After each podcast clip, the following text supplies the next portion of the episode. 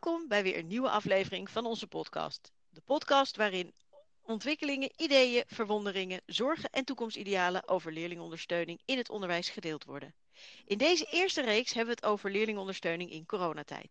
Wie zijn wij? Wij zijn Merel Schulte en Loes Hortentius, orthopedagoog en onderwijsadviseur, beide verbonden aan Samenwerkingsverband Amsterdam en de Meerlanden. Maar we hebben ook een gast vandaag. Loes, goedemiddag. Wie zit er aan tafel bij ons?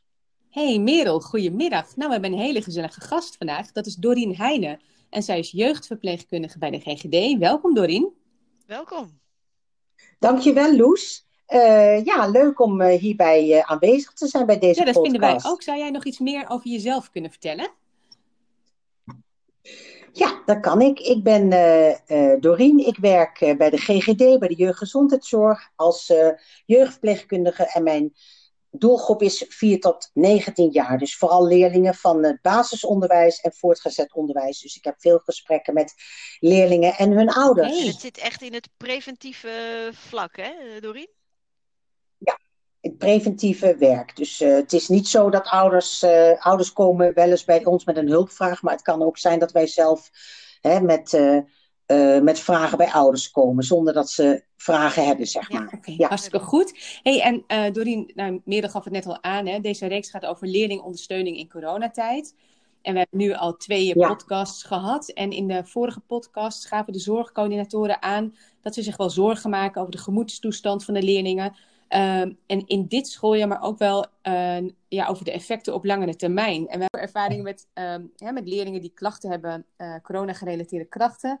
En um, nou ja, hoe is jouw ervaring met het werken op de basisscholen en op het voortgezet onderwijs nu?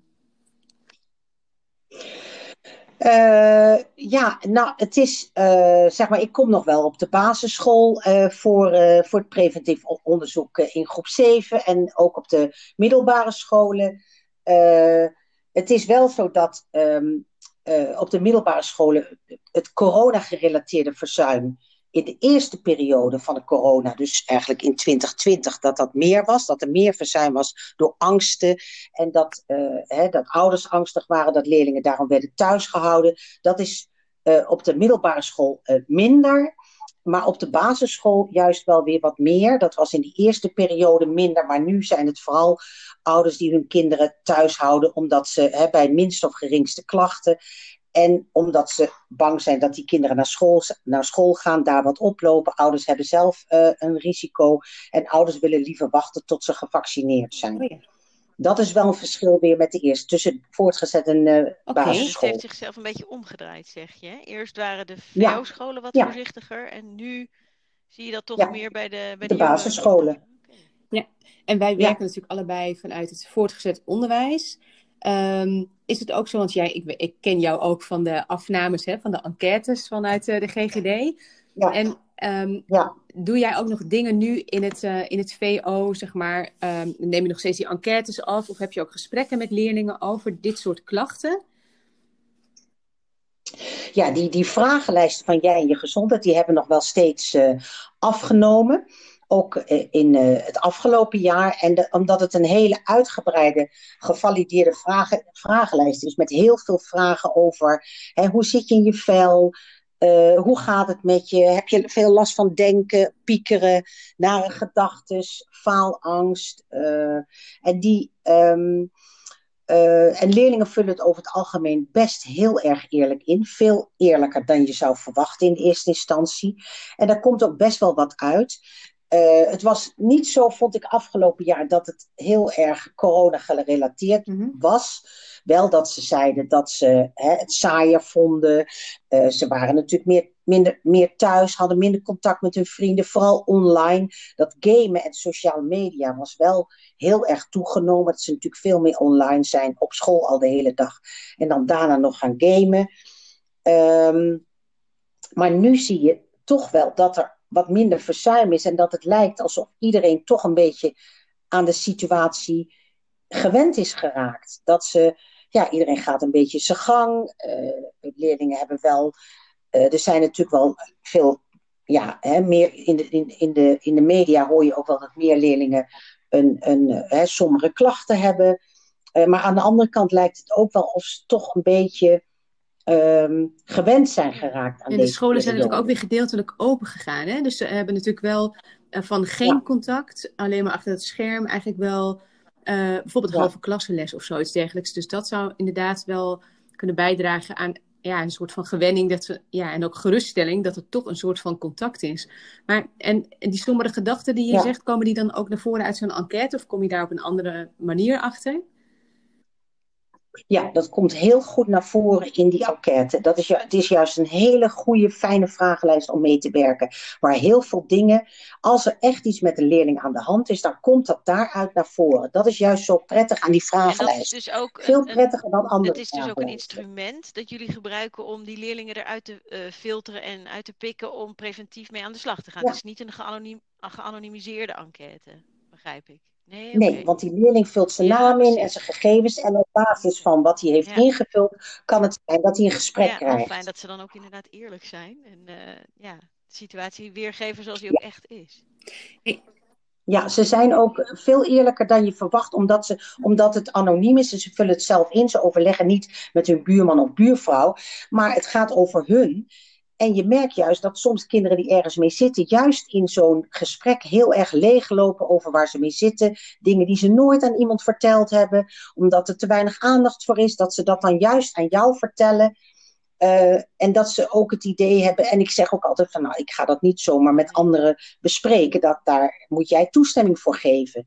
En dat geeft ook wel een soort geruststelling, dat ze het gewoon ook weer kunnen, kunnen Oh ja. vertellen. Ja, want dat, is, want dat is wel heel fijn, hè? Want we zoeken wel eigenlijk naar zo'n middel om, ja, en, om goed te screenen, maar ook om ehm, nou ja, eigenlijk de leerlingen te helpen waar ze dat nodig hebben. Want heb jij dan ook bijvoorbeeld tips voor de mentoren ehm, om met hun leerlingen te praten? Of wat kunnen mentoren doen in de klas, zeg maar, om leerlingen Ja, te om ze helpen? ook goed te ondersteunen. Ja, Ja, nou ja, ik denk dat het al heel erg belangrijk is als, als de mentoren een luisterend oor hebben en echt begrip hebben voor de leerling. Gewoon naar ze luisteren. Dat is vaak al heel, he- dat kan al soms voldoende zijn, dat een leerling dan al gewoon wat lichter hè, naar, naar buiten gaat. Wat, wat hè, lichter in zijn hoofd, met, omdat hij het kwijt heeft. eh, de leerling kon Ja. het kwijt. En ook is het denk ik goed omdat deze periode met corona natuurlijk vrij passief is. Hè? Minder activiteiten, je kan niet zoveel eh, dingen ondernemen. Dat het wel belangrijk is om juist die leerlingen te stimuleren om toch actief te blijven. Naar buiten te gaan, buiten sporten. Wel structuur, hè? opstaan, je aankleden. Blijf in contact met je vrienden. Hè? Online desnoods, maar ga gewoon buiten even voetballen of hardlopen. Dat is veel beter dan alsmaar binnen Oh ja, blijven. dus jij zegt eigenlijk ehm, wel in contact blijven, op wat voor manier dan ook, maar ook zorgen dat je een dagritme hebt en dat je in, ja, echt actief in beweging blijft. Ja, ja. Want binnenblijven, dat werkt alleen maar eh, eh, ja, een soort verlammend. Dat je eigenlijk helemaal nergens meer zin in hebt om iets Ja. te doen. Oh ja, dat klinkt, dat klinkt makkelijker gezegd dan gedaan, hè? Ook. Dan, eh, Want je mag natuurlijk ook niet zoveel met zoveel samen eh, buiten. Maar het is wel gewoon eigenlijk, zijn het hele handige tips om dan wel steeds te bespreken met de leerlingen. Ja, Hey, en Ja. ehm, Doreen, heb je ook ehm, de andere kant wel gezien dat juist door eh, de, de ontwikkelingen van afgelopen jaar dat kinderen hierin ook wel een soort houvast hebben gevonden? Een, een, een, een, steun aan structuur en van nou, zo gaat het het online les eh, krijgen. Is daar, is daar ook iets van bekend bij jullie? Dat, dat, dat je zegt, nou, dat is toch ook wel naar voren gekomen? Dat niet iedereen het echt alleen maar zwaar heeft en ellendig? Of zeg je nou, dat is echt een rooskleurig gedacht? Nee, nou, er zijn ook leerlingen die dat juist heel prettig vonden. Die het prima vonden om thuis les, eh, les te krijgen. Die juist last hebben van de drukte in de klas. eh, die dat altijd te rumoerig en, en, en te veel herrie vinden. Die het heerlijk vonden. Die zich goed kunnen focussen thuis achter de laptop of computer. Die heb je, dat soort leerlingen heb je ook. Die, die, hè, die, juist, hebben, die juist last hebben van de grootte van de groep waar ze Ja. in zitten. En, en die, die kwetsbare kant, want ik, ik switch een beetje tussen inderdaad hè, de, de, de, de voor's en de Mhm. tegens, maar die kwetsbare kant van, goh, zorg dat je een dagritme hebt en houdt. Kijk, dat ligt natuurlijk ook wel in de omgeving waar je opgroeit, van kun je dat goed vormgeven. Eh, hebben jullie Ja. daar ook nog interventies in? Dat je zegt, nou ja, dan helpen we ze daarbij om, de, om zo'n dagritme of structuur op te zetten? Of, ehm, Ja, ja, ik heb dat wel eens gedaan hoor, met leerlingen. Echt helemaal van, van een hele dag opgeschreven van, nou, wat kan jou nou helpen om te zorgen dat het wel lukt? Hè? Het, is hoeven maar, soms heb je klein, het is als een kapstok waar je Ja, dingetjes ja, aan precies. ophangt, wat soms net voldoende is voor een leerling om toch te zeggen van, nou, oké, ik ga het proberen. En dan moet je ook zeggen van, nou, wanneer ga je beginnen? En je moet ook een, een, een, een doel stellen van, nou, ik ga hè, niet deze week, want dan, hè, deze week nog niet, ik begin maandag daarmee. En hoeveel dagen gaat me dat lukken? Nou, ik ga nu eerst proberen één dag en dan twee dagen. Dat je dat een beetje niet gelijk zeggen, dat moet nu vanaf nu altijd maar goed gaan, want dat lukt Gewoon echt natuurlijk niet. opbouwen. Kleine stapjes. En, Ja. en hou jij dan ook inderdaad in een, in een, eh, een tijdspanne echt contact Ja, met moet- die leerlingen? Dus inderdaad een Ja, week verder en dan wel- melden ze zich weer en van hoe gaat het nu? Echt een soort follow-up. Ja. Dan moet je wel contact Ja. houden. Je moet inderdaad via de mail of telefonisch Ja. contact houden of via de app. En, Ja. en hoeveel leerlingen ga, he- heb jij nu in je, in je portefeuille, om het zo maar even te zeggen? Hoeveel leerlingen ben jij nu bij betrokken? Waar het corona-gerelateerde Eh, nou ja, eh, aangaat? Ja, dat valt nu eigenlijk wel eh, mee. Dat was vooral in, die, in het afgelopen jaar, de eerste periode, ehm, wat meer. Toen waren er meer, toen was het ook een soort, hè, het was een soort crisis. Eh, iedereen schrok van jeetje, nou is het ineens allemaal online. En, eh, en ook nog in die periode voor de, zeg maar, voor de, zeg maar de, de eerste maanden van de, van de eh, na de zomervakantie was het ook nog meer. Maar toen had ik wel meer leerlingen die, ja, die ik wat meer begeleide en waar ik meer, ges- meer gesprekken mee had. Maar zoals ik net zei, het lijkt net alsof iedereen er wat meer aan Het is gewend wat raakt. grappig, Dorien, want wij En hebben juist nu, nu eigenlijk, eh, heb ik het idee dat er veel meer leerlingen naar boven komen die, eh, die, ja, die echt sombere gedachten hebben, die, die het echt te lang duurt. Dus wij merken eigenlijk, eh, eigenlijk nu meer de piek van nou ja, leerlingen die worstelen of eindelijk nu een beetje naar buiten komen van ik voel me helemaal niet zo goed. En wij maken ons daarover wel wat Ja. zorgen, maar ook over volgend jaar bijvoorbeeld, over blijvende effecten of over Ja, ja, volgend jaar hopen we natuurlijk, volgend schooljaar, dat je dan weer gewoon kan starten. Maar ehm, we zouden ook heel graag daar alvast op inspelen. Van hoe ga je nou de leerlingen weer begeleiden naar, nou ja, weer een nieuw normaal, zeg maar. Heb jij daar tips voor of ideeën bij? ja. Ja, nou, ik wil nog even heel erg terug op, de, op de, je eerste vragen. Van dat jullie merken dat het nu hè, erger lijkt te worden. Want het kan natuurlijk zijn dat die leerlingen al wel klachten hadden. Maar dat het nu verergerd wordt door corona. Dat het daardoor meer zichtbaar is. Begrijp je? Dat Ja. kan natuurlijk Ja, ook dat goed. Ja, maar ook een beetje de duur dus, hè? Van het duurt nu zo lang. Ja. En ze zijn inderdaad met kleine eh, eh, stapjes, hè? Nog, nog, ze hebben het een jaar volgehouden. En nu Ja, is eigenlijk de druppel die de emmer doet overlopen, dat we eigenlijk, ja, ma- maatschappelijk zien we dat natuurlijk ook wel. Hè? We krijgen weer een nieuwe richtlijn, 21 april. Het gaat niet door, iedereen weer in zak en as. Dus Ja. ook voor de jeugd Ja. blijft, eh, blijven zaken nog steeds langer onmogelijk en gesloten. Dus ja, dat... eh, Ja. En, en jongeren zijn juist, hè, die, die, die leven eigenlijk van het sociaal contact en lekker met je vrienden, ook op school en in de pauze en hè, samen dingen ondernemen. Dat is natuurlijk voor, voor jonge mensen heel erg belangrijk. En, en, en dat hebben ze ook nodig als uitlaatklep. Dus dat is wel, hè, ze hebben natuurlijk toch een tijd stilgestaan.